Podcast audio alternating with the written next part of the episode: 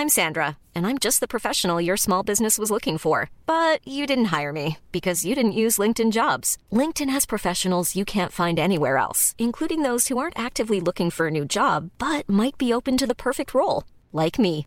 In a given month, over 70% of LinkedIn users don't visit other leading job sites. So if you're not looking on LinkedIn, you'll miss out on great candidates like Sandra. Start hiring professionals like a professional. Post your free job on linkedin.com/people today.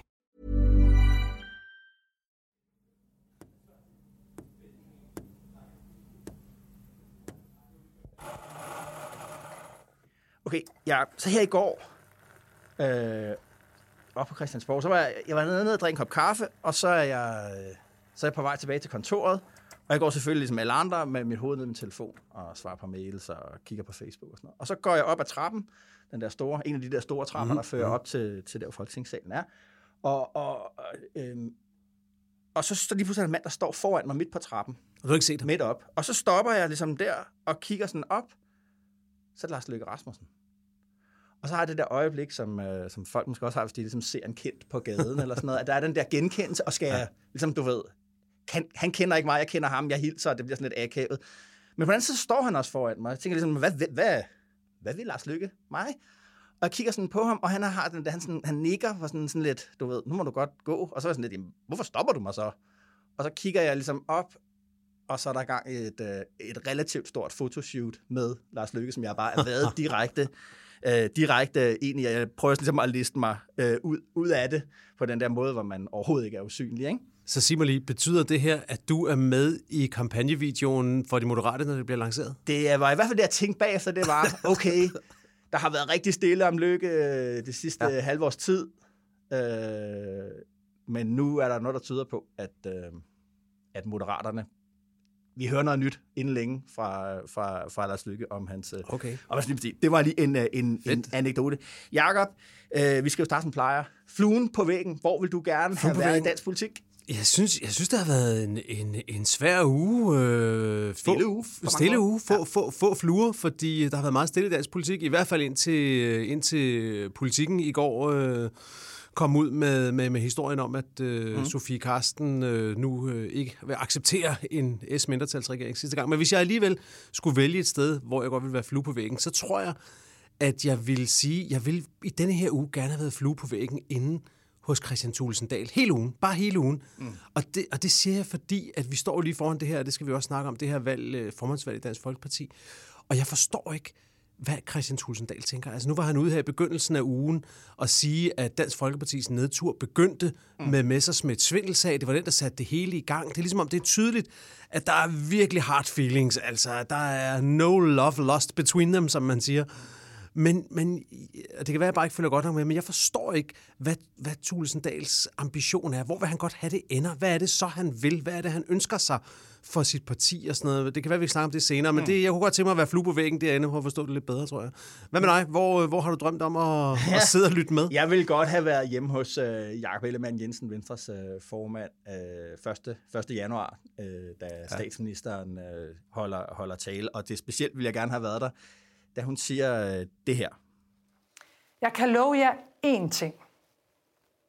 Det politiske flertal, der lige nu er i Danmark. Vi svigter ikke. Hvad er det egentlig, øh, hun siger der? Hun siger til vælgerne, det er os, S, SF, Radikale og Enhedslisten, der er, der er de grønne. Hun taler om den grønne øh, omstilling. Hun taler om den CO2-skat, Yes. øh, som man vil indføre her i, i, i, i år. Øh, og det, der ligesom er underteksten, det hun ikke siger, men alligevel siger til vælgerne, det er, er I nu sikre på, at de borgerlige ikke netop er dem, der svigter den, den grønne dagsorden.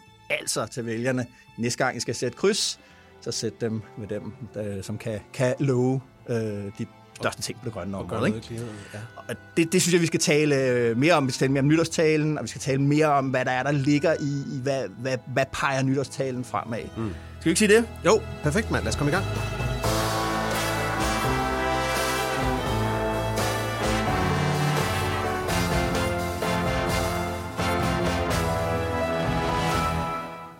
Den første uge i 2022 har været en af de mere rolige, mens politikerne varmer op til det, der bliver endnu et hestblæsende halvår i dansk politik, hvor regeringsreformer, der skal give øget arbejdsudbud, en CO2-skat og en helt ny politik til den vælgergruppe, der vokser allermest de kommende 40 år, nemlig de ældre. Og hvor Sofie Carsten Nielsen op til de radikale nytårsstævne denne weekend gjorde det klart, at partiet ikke vil støtte en ren S-regering efter næste valg. Hvor er Mette Frederiksens Socialdemokrati på vej hen, og hvem skal med på vejen, og hvad vil de borgerlige gøre ved det? Mit navn er Esben Schøring. Jeg er politisk redaktør her på Altinget, og du lytter til vores nye ugenlige podcast om dansk politik. Den hedder DK Pol. Velkommen til. Velkommen også til dig, Jan Nielsen, chefredaktør her på, øh, på Altinget. Tak, tak. Okay, statsministerens øh, nytårstale. Lad os lige starte med det her med klimaet, som vi, som vi var inde på lige før. Rapporterne fra FN's klimapanel er dystre. Vælgerne har opdaget det, og klima har de seneste sådan, øh, fem år bevæget sig for sådan en mellemplacering på deres øh, dagsorden over for, hvad de synes, politikerne skal tage sig af til en, til en topplacering, nummer et eller nummer to.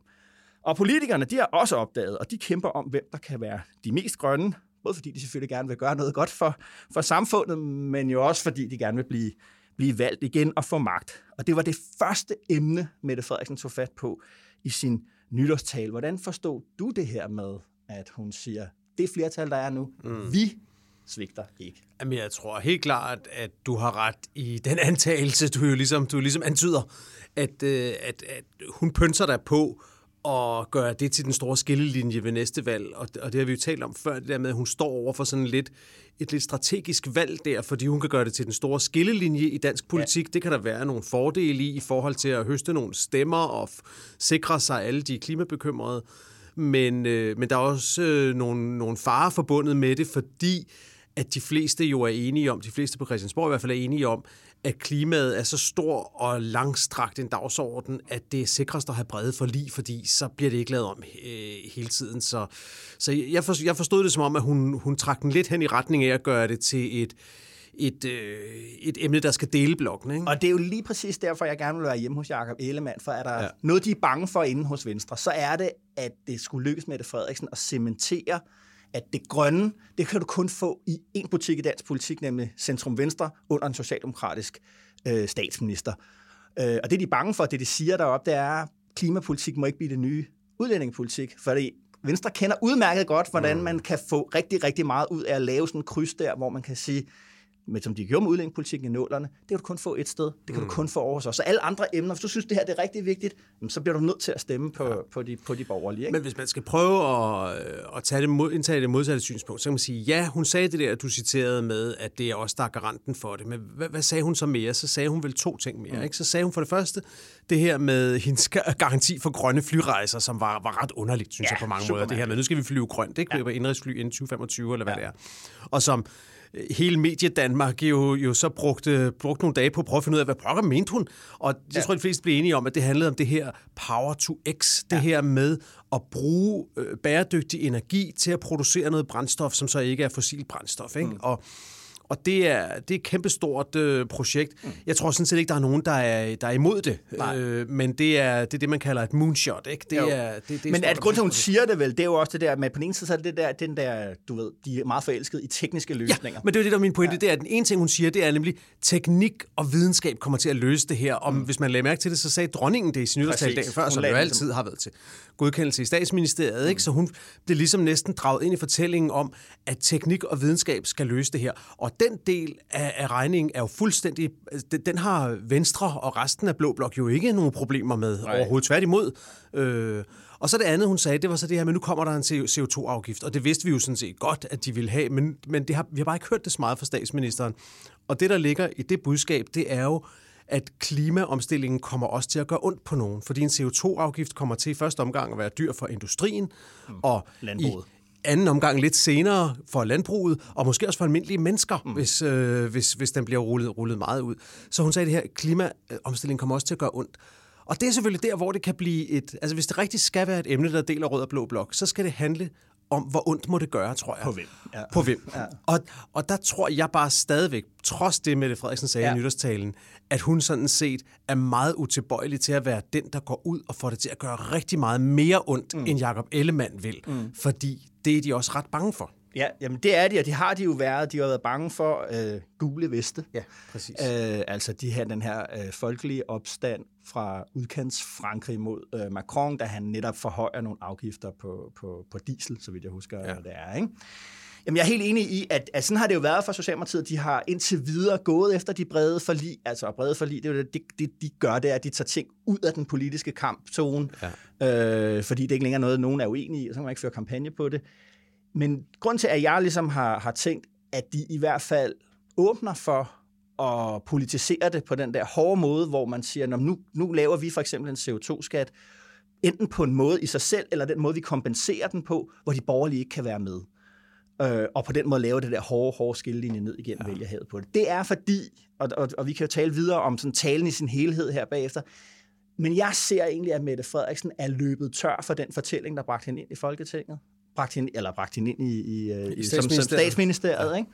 Og hun har brug for en anden øh, vinderdagsorden, øh, som, kan, som kan pege fremad, og som kan, kan, kan, kan sikre hende øh, genvalg øh, næste gang. Næste og hvad, hvad er det for en fortælling, hun er løbet tør på, synes du? Jamen, jamen, jamen så lad os, lad os åbne den, øh, ja. og ligesom kigge på talen i sin helhed. Du har også øh, skrevet analyse her på, på, på alting.dk. Vi sørger selvfølgelig for at lægge de der øh, øh, analyser og artikler, vi henviser til, op i, i, i show notes. Men, men Jamen det, hun, hun, kom jo, hun var jo hun kom med på den der, hvad kan vi sige, arbejderistiske fortælling med, med, med Arne som, som sådan en, en, yes. en, øh, en symbolsk figur på den vælger, og den vælgertype, det verdenssyn, som hun nu øh, placerede Socialdemokratiet i, i provinsen, øh, blandt lavere uddannede, øh, i arbejderklassen, øh, og, og delte deres værdier og deres verdens, øh, verdenssyn. Ikke? Øh, og det, var, det kunne man jo se simpelthen, hvis man tog Helle thorning Smiths mm. valgresultat fra 15 og Mette Frederiksens fra 19, så kunne man se, at der, hvor Helle Thorning klarede sig bedst, Indre By, København, det var der, Mette Frederiksen klarede sig dårligst. Til gengæld, så var hun, øh, havde hun vundet øh, det gule Danmark på Sjælland tilbage ja. og op i, op, ja. i, op i Nordjylland. Ikke? Yes. Og, og hun har iværksat jo den her, den, her lidt, den her lidt pessimistiske forståelse af Danmark, at vi var et splittet land. Den der første tale, hun holder som ja, åbningstalen ja, ja. der, med barnevognen, og Danmark var ikke til at kende igen, og alt det der. Ikke? Men lige så stille og roligt, og hun lovede, og hele den der, hele den der opgør med konkurrencestaten, opgøret med, du ved, reformerne, opgøret med alt, alt, alt det, der har været de sidste 40 års politik, symboliseret ved det, hele thorning Schmidt gjorde fra 11 til 15. Ikke?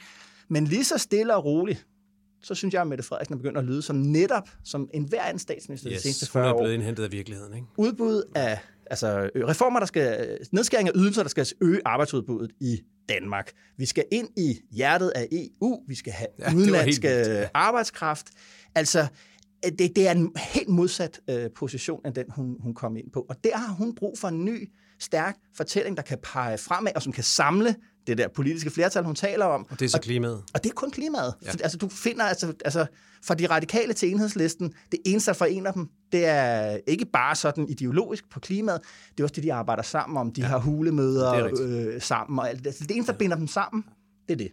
Og så kan man sige, jamen så lad os krone det med at lave en CO2-skat, hvor de borgerlige ikke kan være med. Ja, ja men det er det er da en mulig fremskrivning af, det politiske over det der. Jeg synes i hvert fald, det, det der slog mig ved nytårstalen, det var lige præcis det her med, at det var en ny Mette Frederiksen, kan man sige, fordi hendes to første nytårstaler, der var den allerførste handlede nærmest udelukkende om det her med, med, øh, med at, at få flere tvangsfjernelser af børn. Altså det her med, at hun ville være børnenes statsminister, som jeg tror kom bag på ret mange, at det, det handlede om, det var flere tvangsfjernelser. Det, ja. det var det eneste tema i hendes ja. første nytårstale. Vi har ikke hørt så meget til det siden, faktisk. Ja. Den anden nytårstale, den var meget i coronaens tegn. Ikke? Mm-hmm. Og så fik vi så en her, hvor hun ligesom tegnede den bredere palette op. Det kunne lige så godt have været en åbningstale hen i, i Folketinget. Ja, masser af politik. Masser af politik, ja, ja. ikke? Og på mange områder, der lød hun netop anderledes, end hun plejer. Øh, vi har snakket om øh, klimaet, hvor hun skiftede mm. lidt kurs. Øh, EU var helt vildt, synes jeg. Mm. Altså hende, der for, for et års tid siden øh, stod på en konference og kaldte EU's budget for gag-gag, ja. og som øh, sagde, at hele debatten om, at man skulle være i kernen af EU, det var bare noget akademisk slud, og hun gad ikke engang gå ind i den. Nej. Nu sidder hun selv og siger i nytårstalen, vi skal være i kernen af det projekt, og prøve at forklare sine egne vælgere, at øh, et svagt EU giver et svagt Vesten, og det har vi ikke råd til og sådan noget. Og øh, ja, så var der også øh, hele det her med økonomiske reformer, hvor hun ligesom går ind i en ny fortælling om, at det er faktisk nødvendigt. Og, øh, og samlet set, så, og, og, og så det med udlændingepolitikken, jamen, synes jeg, det var vildt. Lad, lad os lige høre, hvad hun, hvad hun rent faktisk sagde der, fordi øh, det er jo, øh, er, jo, er jo ret vigtigt. Og til jer, især kvinder med ikke-vestlig baggrund, som ikke har et arbejde, selvom I har været i Danmark i mange år. Vi har brug for jer. Ja, vi har brug for jer.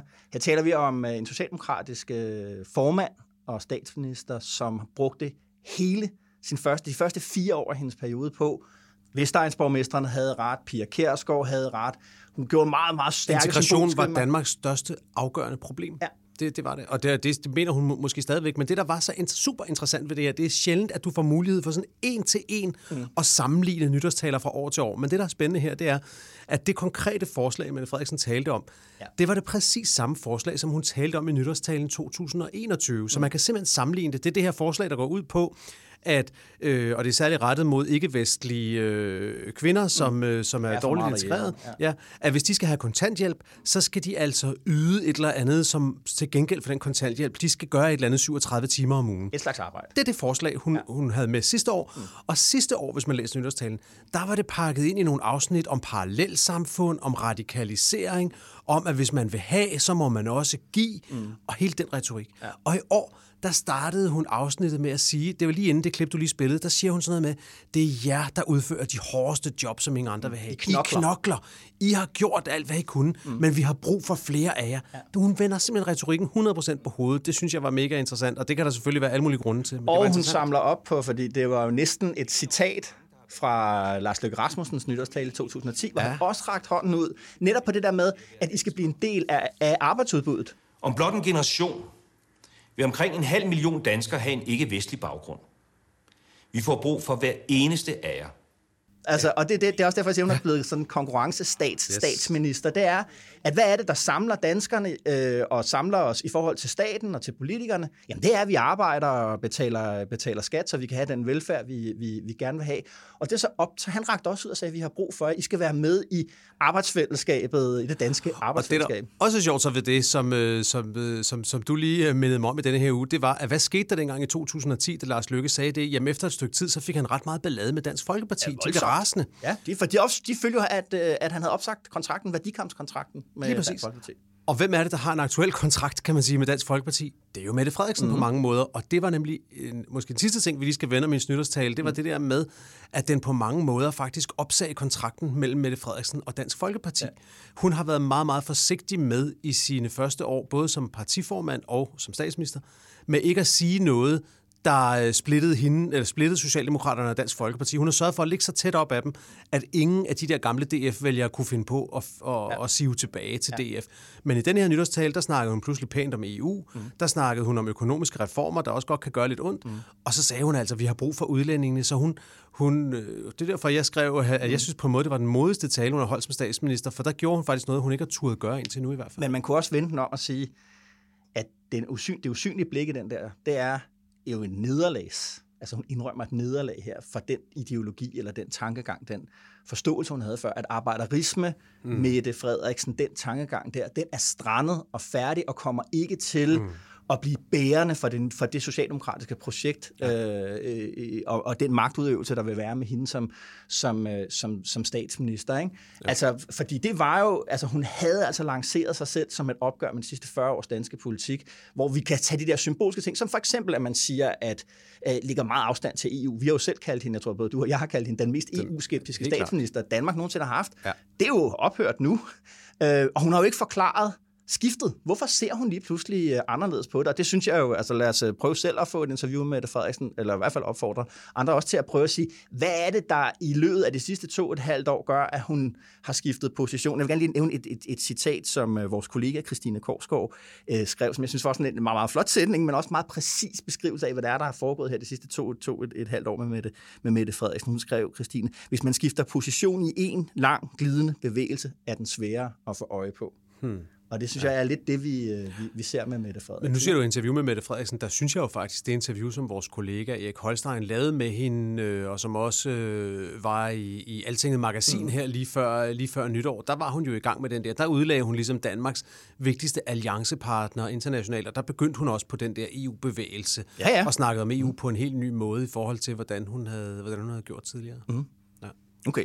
Fedt. En anden, der har skiftet position, Jacob, det talte vi også om i vores øh, året, der gik special podcast lille juleaften om Centrum Venstre. Det er det radikale Venstre. Lige så stille og roligt har Øh, man bevæget sig ud af den der meget bestandte afvisning af dansk, øh, stram dansk udlændingepolitik. Og så her øh, torsdag i den her uge, jamen, så fik vi blev præsenteret for det strategiske mål med den øh, bevægelse, fordi til politikken i sådan et større interview, der sagde øh, Sofie Karsten Nielsen øh, sådan her, jeg citerer, det er jo på skrift, og ikke noget, vi kan, kan spille på lyd på den måde. Vi udelukker, siger hun, at pege på en etpartiregering. Citat slut. Øh, da jeg læste det, så tænkte jeg, at der fik Mette Frederiksen jo det, som, øh, som vi nede i Vordingborg, hvor jeg kommer fra, kalder at få ren besked. øh, hvad tænker du om det? Jeg, jeg synes, øh, jeg, jeg tænker to ting om det. Øh, en hel masse ting, men der er to ting, som, som jeg har tænkt, som, som, som umiddelbart øh, øh, dukket op, da, da jeg så den der melding. Det første er, det er ret smart øh, af Sofie Carsten Nielsen, for de er jo død trætte af den her socialdemokratiske mindretalsregering. Dels på grund af noget af den politik, der bliver ført, dels fordi radikale jo ikke er i regering. De ikke er i regering. De vil med i den regering, de vil have nogle ministerbiler, altså. Og, og, og det er jo en helt færre ambition at have i politik. Og det hun gør, det synes jeg er super smart, fordi hun vender Mette Frederiksens egen melding på hovedet. Mm. Hvis vi husker tilbage til før valget, så var det jo grundlovsdag øh, 2018, ikke? 2018 ja. at Mette Frederiksen gik ud og sagde, vi vil ikke i regering med de radikale næste mm. gang. Vi satser på en socialdemokratisk etpartiregering. Ja. Og så det er ligesom, det er bare et vilkår. Det, er bare, det må I bare æde. Sådan mm. er det bare. Mm-hmm. Så hun afsluttede de forhandlinger, som normalt først finder sted efter et folketingsvalg, om hvem skal sidde i regering sammen, og skal det være en etpartiregering eller en flerpartiregering. Dem afsluttede hun et helt år før valget og sagde, venner, det bliver bare sådan her. Det bliver bare mig. Okay. Og det, Sofie Carsten Nielsen, det, det måtte de jo så acceptere. De lavede det her forståelsespapir, hvor mm. de radikale, SF og Enhedslisten ligesom har lovet i denne valgperiode, ja. at de bakker op om Mette Frederiksens regering. Og nu gør hun sådan set det samme ved Mette Frederiksen. Nu går mm. hun ud og siger i god tid før valget, mm. I skal bare vide efter næste valg, den der regering, det, det, det kommer vi ikke til at være mm. med til. Øh, så på den måde synes jeg, at det, det er lidt svært for Socialdemokraterne. Jeg kan se på Twitter, er der nogle klassiske Socialdemokrater, der allerede har været ude og sige, kan man nu det, og vil de så virkelig gå ind og lave et mistillidsvotum eller mm. sådan noget? Men, ja. men det kommer til at virke sådan lidt, lidt fjollet, synes jeg, fordi hun bruger sådan set bare Mette Frederiksens egen medicin. Så men, det er den ene ting, jeg tænker. Ja, ja men det er lige fordi, altså, nu sagde jeg ganske det der med, at det var ren besked, øh, men, men jeg synes også, at når man så læser ned i interviewet, så bliver det faktisk mere og mere kryptisk, jo længere ned man kommer i det. Ja. Øh, for, for, for når Elisabeth Svane, det er politikens øh, politiske analytiker, øh, som har lavet interviewet, hun spørger hende, jamen går I så i opposition, spørger hun så. Og så siger Sofie Carsten Nielsen det her, hvis de har flertal selv, ja, så gør vi, citat slut. Altså, det læser det, jeg det, som om, at hvis Mette Frederiksen, hvis man forestiller sig en situation, hvor Mette Frederiksen kan danne en regering på basis af Socialdemokratiet, SF og Enhedslisten, mm så må man sige, jamen, så må vi jo acceptere det, men så er vi ikke en del af det regeringsgrundlag. Ja, ja. Men det, hun så siger der, det er jo ligesom, jamen, hvis de har et parlamentarisk grundlag uden os, så er vi ikke med i det parlamentariske grundlag. Ja. Det, hun siger der, det er, at vi vil, så det vil sige, hvis en regering ikke vælter, hvis den ikke har et flertal imod sig, mm. så, vil, så vil vi ikke være med bag dem. Mm. Altså, det er jo en mærkelig kryptisk ting, for det, hun siger, er jo ikke, hun understreger jo også, ja. jeg er ikke på vej over i blå blok. Det er ikke det, jeg er. Jeg er ikke allerede nu ja, ja. i opposition. Jeg hun, ønsker sig, hun, hun siger mig klart, hun ønsker sig en regering, der går hen over midten. Ja. Altså i en eller anden konstellation. Hun nævner, at det kan ligefrem være konservative, SF og radikale. Ja. Eller, hun, det kan være alle mulige ja. forskellige konstellationer. Men jeg tror... Ja, men det hun siger, det er jo, hvis, hvis hun har brug for os, så peger vi på hende. Ja. Det er jo det, hun siger. Hun siger jo ikke... Altså, hun, hun siger jo faktisk i det der interview, ikke, at hun, altså, hun, er ikke, hun er netop ikke klar til at vælte Mette Frederiksen. Nej, men hun er parat til at stå mere frit, og der tror jeg, at man skal, man skal tænke på, altså det, det, det jeg forstår, der hvor, hvor Sofie Carsten Nielsen ikke kan gå hen efter den her melding, det er, at hun kan ikke gå hen et sted, hvor hun efter næste valg er med i et nyt forståelsespapir Nej. bag en socialdemokratisk etpartiregering. Og hvis man ikke er med i et forståelsespapir, så gør man jo livet meget mere svært for mm. den næste Mette Frederiksen regering. Så ja. det, det er bare det, man kan sige. Mette Frederiksen er jo ikke tvunget til at gå af efter næste valg. Hun kan godt blive siddende, mm. indtil der måtte være et flertal imod hende. Mm. Så, så det kan sagtens være, at hun bliver siddende, mm. men det vi bare kan sige helt sikkert nu, det er, at hendes parlamentariske liv bliver allerede af den her grund en smule mere besværligt. Ja. Men det leder frem til det andet, jeg synes, der er det interessante ved det her, og det er jo, at nu snakkede du i starten om, at du havde mødt en mand på trappen mm. inde på mm. Christiansborg, ikke? Mm.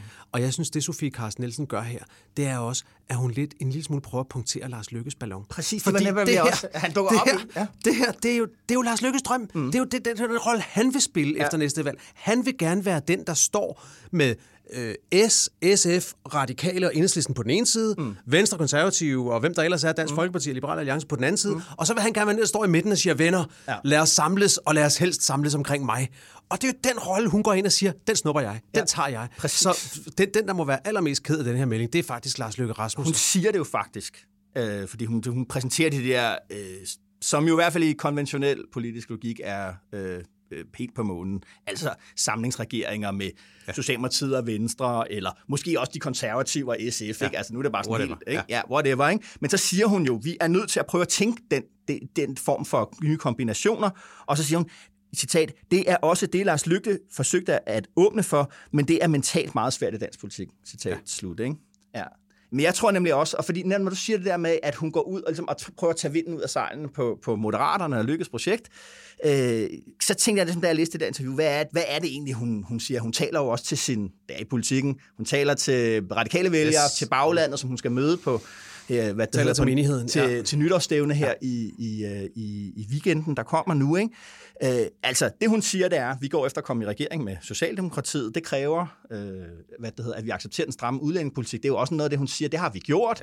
Ja. Øh, det har været en, noget af den der diskussion, det radikale bagland, hele det her halvår, øh, øh, at hvad skulle man acceptere der? Nu siger hun, nu tager hun den selv på sig. Altså det vil sige, hun går ind i og har den holdning, som SF og Enhedslisten også har, altså hvor de siger, ja, vi mener egentlig en anden øh, ja. udlændingepolitik, øh, men øh, det har vi ikke tænkt os at gøre gældende, øh, fordi der er et stort flertal øh, Vi stiller ingen ultimative krav. Ja. Så det må de radikale bag, øh, bagland sluge, og for at få dem, få, dem, få dem til at sluge det der, så er det, hun kommer med de her tanker om, du ved, politik er gået i stykker, og vi skal tænke helt nye kombinationer, og prøv at se, hvad de har gjort mm. i Tyskland, hvor de liberale, og de grønne, ja. og socialdemokraterne, altså, så prøver hun ligesom at drukne den i, i, i, i hvad kan man sige, og, og sukre den der pille der med, ja, ja. med, med, nye, med nye måder at gøre mm. øh, øh, tingene på, ikke? Jo. Øh, det, Men- så, så jeg synes egentlig mere, at det er en tale til baglandet, og egentlig meget mere sådan som lukke flank, meget mere strategisk end sådan et, det der meget store nybrud, hun meget gerne vil have, hun øh, mm. ligesom siger. Ja, hun er i gang med at flytte sit parti, ikke? Og, og, og, og det tror jeg, jeg, jeg ved ikke, om det er et eller to eller ti år ude i fremtiden, men en bevægelse, der er i gang i dansk politik, og som vi på et eller andet tidspunkt kommer til at se også udmyndte sig konkret, det er den bevægelse, der hedder,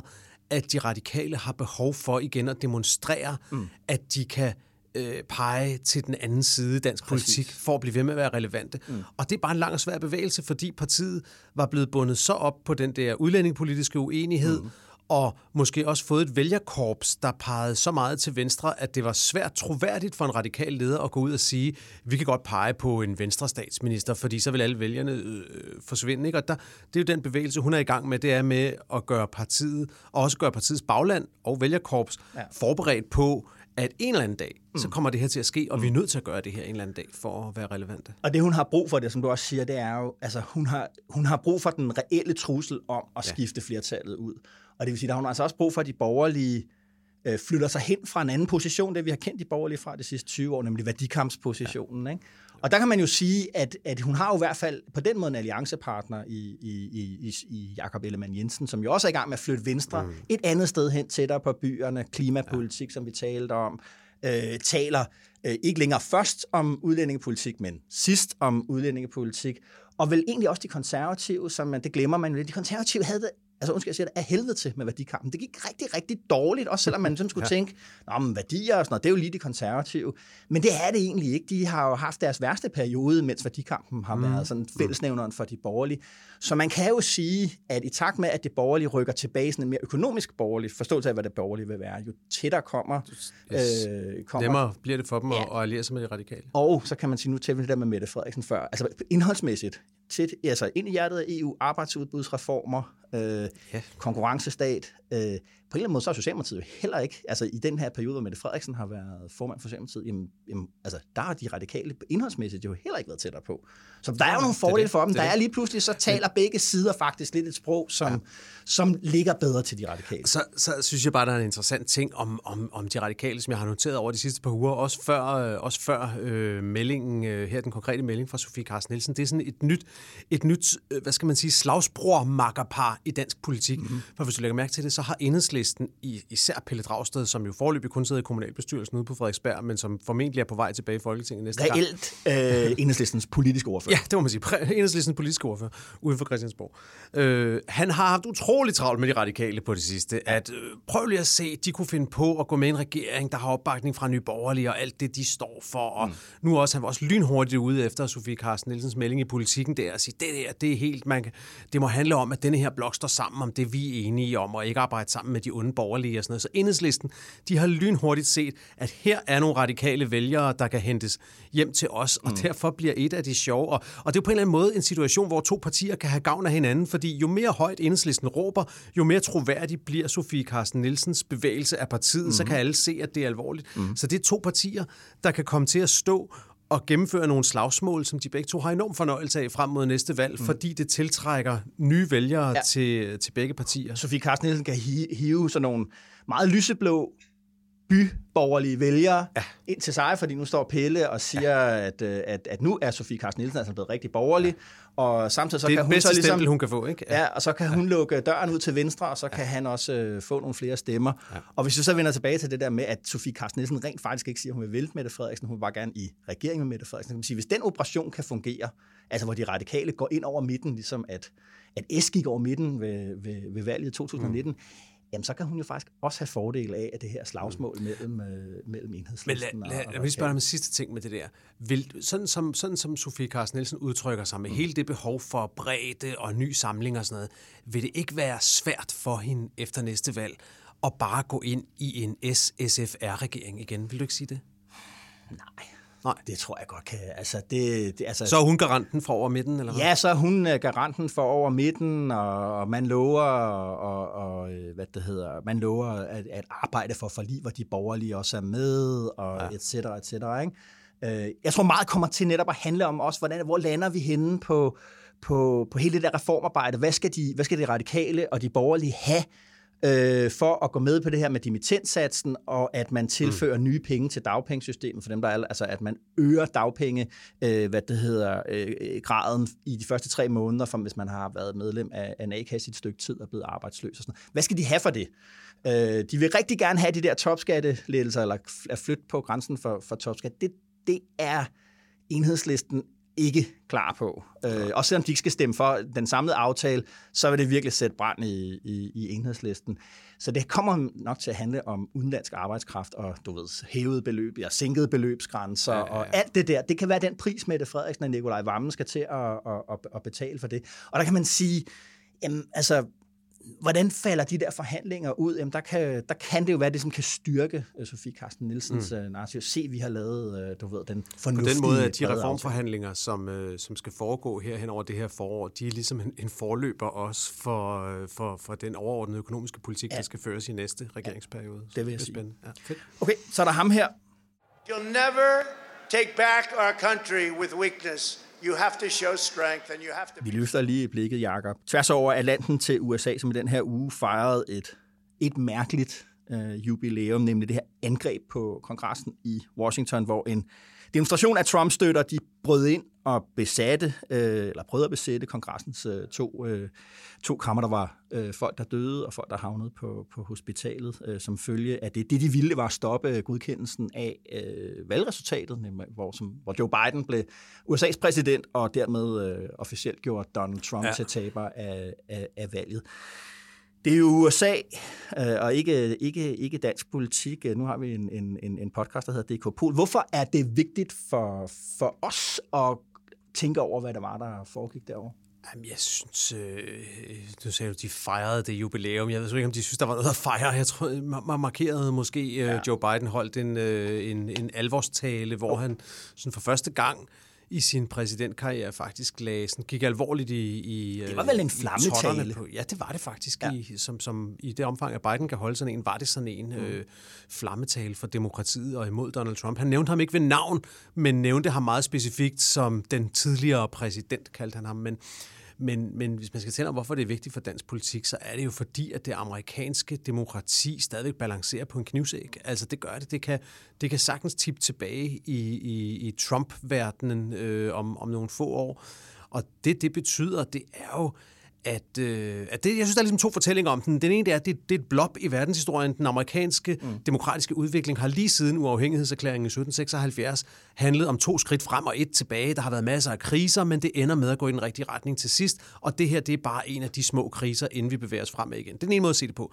Den anden måde at se det på, det er, at det her, det er slutningen på det, som øh, nogle af de første øh, englændere på vej med skibe over fra England til, til USA, de sagde på vej derover øh, det her med, at vores nye land, det skal være the shining city on the hill. Det skal være byen på toppen af bakken, der står som en fakkel og leder den frie verden ja. ind i en bedre fremtid. Ikke? Demokratiet og vestens flagship står. Og det er sådan, USA kan lide at se sig selv, og ja. det er jo også sådan, med alle de forbehold og fejl, der er begået, så er det jo sådan, USA har opført sig i, øh, i vores øh, levetid, ikke? som øh, garanten for den frie verden, lederen af NATO, der har stået som garanten for, at de vestlige demokratier ikke blev løbet over ende, osv. osv. Og beviset på, at demokrati var den bedste politiske Det var overlegent, ikke? Det var ja. overlegent. Det var, Man fik det bedre, blev rigere og lykkeligere. Yes, ja. lige præcis. Ikke? Også, og, og, øh, Hvis det falder, hvad, hvad, hvad, hvad gør det så ved os? det er jo, at, at den periode er forbi, at USA ikke vil være den fakkelbærer længere. Og hvad vil det gøre ved os? Hvis det, hvad, hvad, altså, hvad, er det et psykologisk behov, vi har for,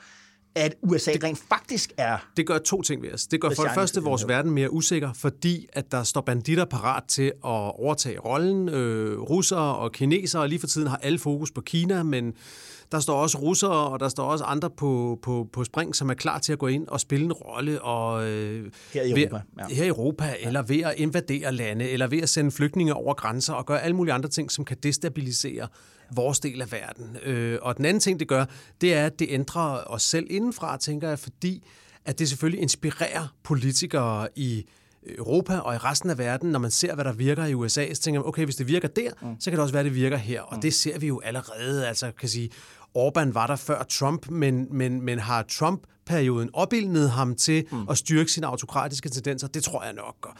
Polen, øh, Boris Johnson er en aflægger af noget af det. Altså man ser nogle metoder, som ligger uden for det, vi vil kalde normale demokratiske parlamentariske metoder, inden, i hvert fald sådan i, i efterkrigstiden, mm. men som pludselig bliver normaliseret med Donald Trump. Så jeg tænker, det er både den der eksterne trussel, der bliver større, fordi vi mangler en, en politimand i verden, vi mangler jo. en stor dreng i klassen, mm. Og den anden ting er, at det inspirerer øh, mm. os til at finde de du dårligste kaldt, sider af os selv. Du har kaldt det, øh, altså, og har lagt dig bag dem, der i, USA kalder det et kup. Ja. At det var et kupforsøg. Ja. Hvorfor var det et kupforsøg?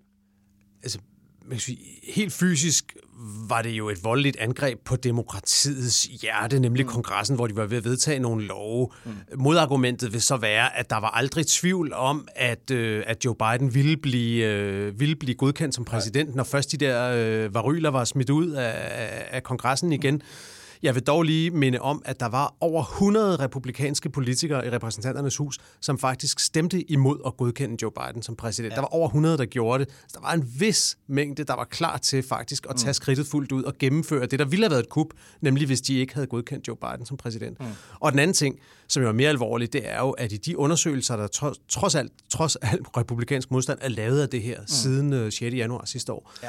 der er det jo blevet klart, at der lå nogle meget klare planer fra Trump og kredsen omkring ham i forhold til, hvordan de skulle forhindre Joe Biden i at blive indsat ja. som præsident. Og det var, hvad, hvad jeg mener, man godt kan betegne som et de facto kup. Det mm. var, og, og altså deres plan var jo simpelthen, at stemmerne fra en række af de stater, som Joe Biden havde vundet, skulle ligesom smides i skraldespanden. Mm. Og når de så, fordi man skulle sige, der var tvivl, der var for meget tvivl til, at de kunne tælle, ja. og når stemmerne fra de her delstater så var smidt ud, så ville der være flertal for Trump som præsident med de resterende stemmer, mm. og så kunne man indsætte ham som præsident. Mm. Altså det var helt konkrete planer, der var mm. skrevet ned i notater og blev diskuteret på møder og sådan noget. Mm. Så jeg ved ikke, hvad, hvad man mere vil have, før man kvalificerer det som et kupforsøg. Mm.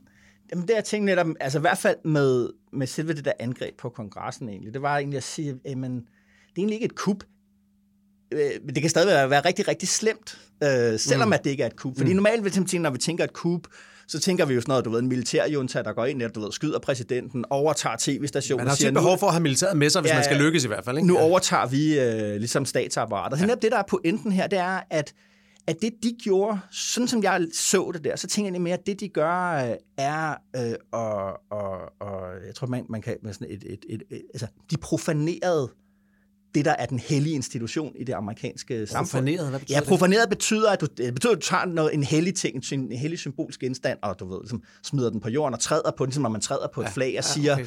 ligesom, jamen det her, det kan godt være, det her det er ikke et fint, helligt objekt, det er bare en ting, det er bare en ting, vi kan smadre. Den er ligegyldig, den er værdiløs. Mm, det er at tage noget, der har en høj værdi, og sige, at den ingen værdi har.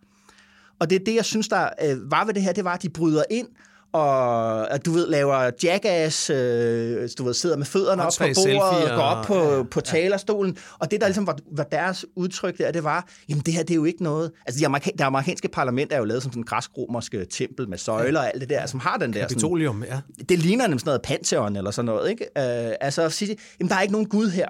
Der er ikke nogen værdi her. Det er, bare, det er bare en scene, som man kan træde op på og gøre, hvad man vil på. Øh, og det er jo et udtryk for, jo, som man møder, hvis man har mødt de der Trump-vælgere, det har du jo også gjort, det der med Washington og politik, og, og det, er, det er ligegyldigt. Og det er, jeg synes, der er forskellen til kuppet, fordi i kuppet er netop nogen, der ligesom siger, at vi vil have statsapper, vi vil overtage institutionerne.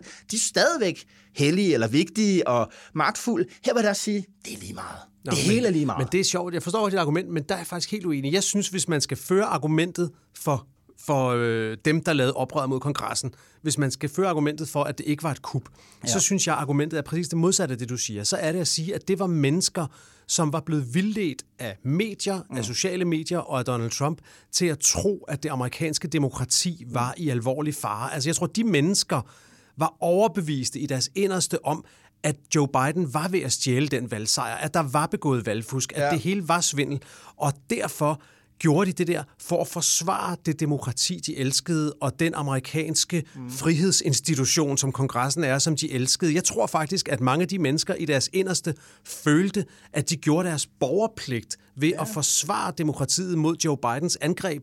Problemet var, at de var blevet vildledt. Mm. Øh, det, det, det, og det synes jeg, man kan argumentere for på den måde, at at det måske ikke var et kup, at det var folk, der, der øh, jeg tror det i, i, i, i retsvidenskaben hedder sådan noget, øh, led af en øh, uenlig retsvilfarelse. Altså, Ja, ja, ja. at de, de Ja. troede, at der var sket at de forsvarede noget. Ja.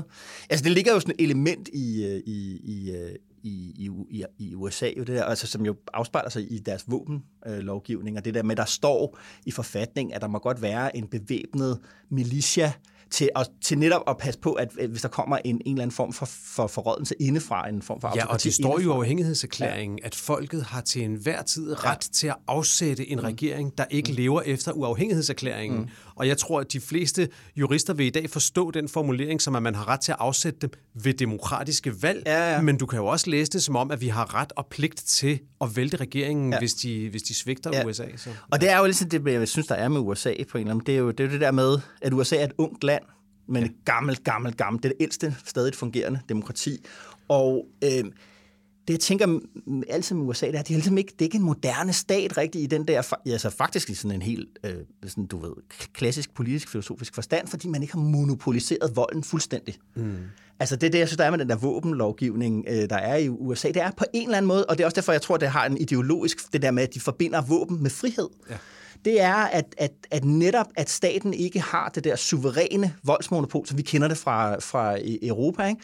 Øh, og det gør på en eller anden måde, og det er det, der gør, at USA også er så voldeligt et land, som det er, altså der bliver, at man skyder og dræber hinanden på kryds og tværs, og at politiet for eksempel i USA også, altså hvis du ser sådan øh, moderne øh, amerikanske politibetjente, så ligner de jo soldater. Mm. Så synes jeg... Der er kamp om volden Der er kamp om volden. Og så, og så en, en anden ting, jeg også kom til at tænke på, det er, øh, jeg kom til at tænke på, øh, på Francis Fukuyama, som jo vi jo alle sammen kender for Jo. den der med, øh, at øh, som sagde efter murens fald, at historien var slut. Det han blevet meget hånet for. Det er måske også lidt misforstået, hvad han egentlig sagde dengang, men han er jo i min optik en af de store amerikanske politiske filosofer og intellektuelle og tænkere. Og noget af det, noget af det han, har, han har sagt og slået meget på, det er jo, at USA, det skal man huske, er det første forsøg i verdenshistorien på at lave et multietnisk, multikulturelt demokrati og få det til at fungere. Ja. Og juryen er stadig ude. Vi ved stadigvæk ikke, om det kan lade sig gøre, og det er også en af hans, øh, en af hans pointer, når han snakker om Europa og nogle af de politiske omvæltninger her i Danmark for eksempel. Mm. Det, han, han, han- fremhæver jo tit Danmark som faktisk som the shining city on the hill. Ja. Han siger, en hvert land må have den bestræbelse at blive Danmark. Getting to Denmark. Ja. ja. ja. Altså, ikke alle kan blive Danmark, men det må være alle lands bestræbelse at blive Danmark. Vi er ligesom det perfekte land, siger han. Jo. Men hvis han så skal pege på en, en, øh, en udfordring for Danmark, risikoen for det danske demokrati, så peger han jo faktisk også på det her med, at vi er ved at udvikle os fra at være et meget homogent samfund, øh, hvide, protestantiske kartoffelspisere, til at blive et multietnisk samfund. Og kan vores demokrati overleve det? Det er hans store spørgsmål, og det er jo også på en eller anden måde stadigvæk spørgsmålet i USA, mm. om, øh, om det kan det. Og grunden til, at det er relevant i forhold til Trump-diskussionen, vil jeg binde halen på det, det er selvfølgelig, at det republikanske parti i dag er et fuldstændig homogent, hvidt parti. Det er simpelthen kampen for det hvide Amerika der foregår der. Der er nærmest ingen etnisk diversitet inden for det mm. republikanske parti, og derfor står partiet i den situation lige nu, at de, de hvide udgør efterhånden en minoritet. Der, der er stadigvæk flere hvide, der stemmer mm. end, end etniske, men altså i, i samfundet udgør de hvide en minoritet, og derfor har republikanerne kun to muligheder i, uh, i USA. Det er enten at blive et multikulturelt parti, ja. for at de kan vinde igen, tiltrække flere hispanics, flere sorte og andre, eller og det er jo så den kurs, de har valgt forløbig, at manipulere valglovene, så de kan vinde ved, ved snyd og fusk. Omforme valgkredse på den det der, det der, de kalder gerrymandering, hvor de ja. sammensyrer øh, ja. på en meget udspekuleret måde. Ja. Øh, øh helt klart. Ja. Så spørgsmålet er ligesom, øh, ja, hvis man skal kode det helt ned, det er måske, vil republikanerne en eller anden dag vælge at acceptere det multikulturelle, for så har de en chance igen. Ellers så bliver det, ellers så bliver det op ad bakke. Alright, lad os uh, slutte, som vi plejer, Jacob, med nogle, uh, med nogle anbefalinger til, til lytterne derude. Jeg vil gerne anbefale, nu har vi netop talt om, uh, om, om Trump, et, uh, et essay fra Harper's Magazine fra 1964, okay nemlig øh, Richard Hofstadter. Han var en amerikansk... Fra 1964 er, øh, historiker, øh, og han skrev et essay, der har... Alle amerikanske titler er jo fede. Den hedder The Paranoid Style in American Politics. Nå, fedt. Og det, der er, er det, det er netop at gøre med det her med Trump og de her, du ved, konspirationsteorier. Det der med, at der er nogen, der har taget magten fra os. Øh, ja det er jo en el gammel amerikansk tradition. Så selvom vi synes, at det her det er meget nyt, så er det også i virkeligheden en del af den amerikanske folkesjæl. Han går ind og arbejder, ligesom, han analyserer ligesom, den her paranoia, hvordan den har givet sig udtryk op igennem den amerikanske øh, historie, og, og, han, og han forbinder det netop, øh, det der er hans pointe der, det er at sige, at der har været en paranoia, der lever der i, i, i, fra, fra 1789 øh, og frem, og så er, genfinder han den på det der tidspunkt i 64 i det republikanske parti, den, på den amerikanske, den amerikanske, blandt amerikanske Der står de jo også midt i, i raceopgøret og opgøret om racelover. Ja, alt det der. Øh, og det, der er interessant, er, det er jo altså, altså, hans analyse af, hvordan den amerikanske højrefløj er, har den her, fået den her paranoid start, den paranoide øh, måde at tale om politik og forestille sig politik og tale om politik på. Jamen, der understreger han netop det der med, altså, du var inde på det der med, at det han siger, det er, at de føler allerede, at de har mistet ja. landet. Det er ikke fordi, han siger, den, den gamle paranoia, der var, der var, følte man, at noget, der eksisterede, og som man var en del af, var truet af noget mm. udefra, man skulle værne sig imod. Men det, der var det nye, det var, at den amerikanske højrefløj byggede på en idé om, at man havde allerede tabt demokratiet okay. og friheden til, du ved, på det der tidspunkt var det, var det kommunister og socialister. Ja, det skal jeg klart ikke? læse. Altså sørg du for, at der ligger link til det ja, ja, ja. i øh, podcastnoterne, yep. så man kan gå ind og finde det? Præcis. Det er et, øh, det er et fantastisk essay, hvor man sidder og tænker, det kunne lige så godt være blevet skrevet i går. Nå, mega fedt, mand. Det skal jeg ind og læse. Hvad hedder det? Jeg har også gået lidt i USA i min anbefaling, øh, og jeg ved godt, vi må sige en ting. Jeg siger lynhurtigt to ting. Det første, jeg lige siger lynhurtigt, det er, jeg synes jo, man skal se Don't Look Up, fordi ude på, ude på Twitter og sociale medier foregår der, også i aviserne efterhånden, foregår der en super sjov og interessant diskussion om denne her film, Don't Look Up, som øh, jeg tror ligger på Netflix. Netflix ja. ja og, og på Altinget har Paula Larein her skrevet en, øh, en meget sjov og interessant kommentar om, hvad den siger om mediebilledet og sådan noget. Så få set den der film, så du kan være med i den diskussion. Det er en, en, en, en klimafilm, som ikke er en klimafilm. Den handler om en asteroide, der er på vej ja. til at ødelægge jordkloden, som sådan bliver et symbol for, for klimaforandringer, og hvordan vi reagerer på det, hvordan er Præcis. vores politiske, øh, journalistiske system, øh, kan vi, har vi ligesom taget den egentlig ned ja. ordentligt. Ikke? Ja. To videnskabsfolk opdager, at verden går under om seks måneder, men de har pænt svært ved at få ørenlyd, kan man sige. Det det er en satire, ja. og den deler virkelig vandene, og jeg synes, vi skal vende tilbage og måske tage snakken om Don't Look Up på et tidspunkt. Ja. Men forløbig, så kan vi jo opfordre alle, alle, der lytter med her til at se filmen, så kan vi tage snakken. Det var den ene. Men det, jeg vil anbefale, jeg har også gået lidt i USA-mode, det er en podcast, som en ven gjorde mig opmærksom på, og som jeg ikke troede, jeg ville synes var fed, og som har ramt mig i maven. Og det er, det er en podcast på engelsk, der hedder Nice White Parents, mm-hmm. altså flinke hvide forældre, mm-hmm. og den handler om noget så nicheagtigt som skolesystemet i øh, New York City. Ja, en Atlantic-podcast, så vidt jeg Jeg tror, det New York Times, der har lavet den okay. faktisk. Øh, men, men, men den handler simpelthen om det her, som vi jo også diskuterer i Danmark, om det her med at lave skoler, der er, øh, der er blandet med både hvide og øh, børn med andre etniske baggrunde. Mm-hmm.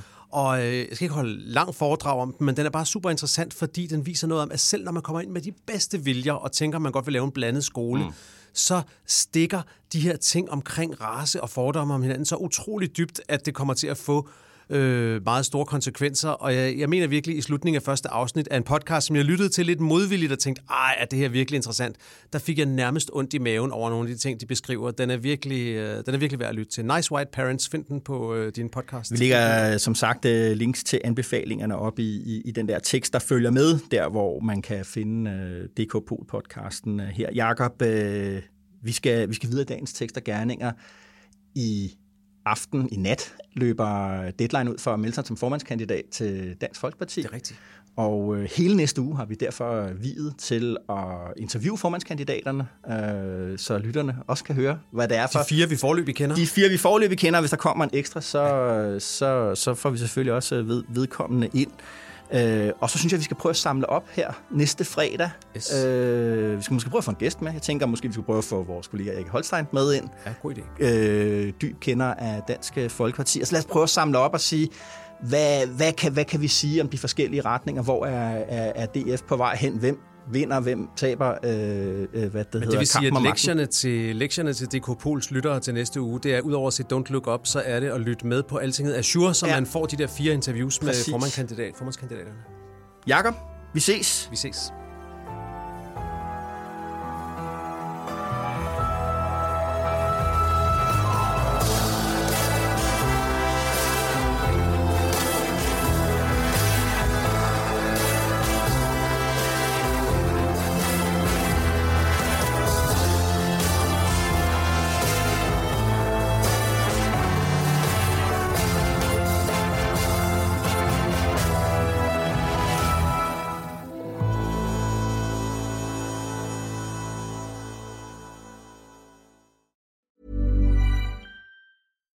Deserves the best, and there's no better place to shop for Mother's Day than Whole Foods Market. They're your destination for unbeatable savings, from premium gifts to show-stopping flowers and irresistible desserts. Start by saving 33% with Prime on all body care and candles. Then get a 15-stem bunch of tulips for just $9.99 each with Prime. Round out Mom's menu with festive rosé, irresistible berry chantilly cake, and more special treats. Come celebrate Mother's Day at Whole Foods Market.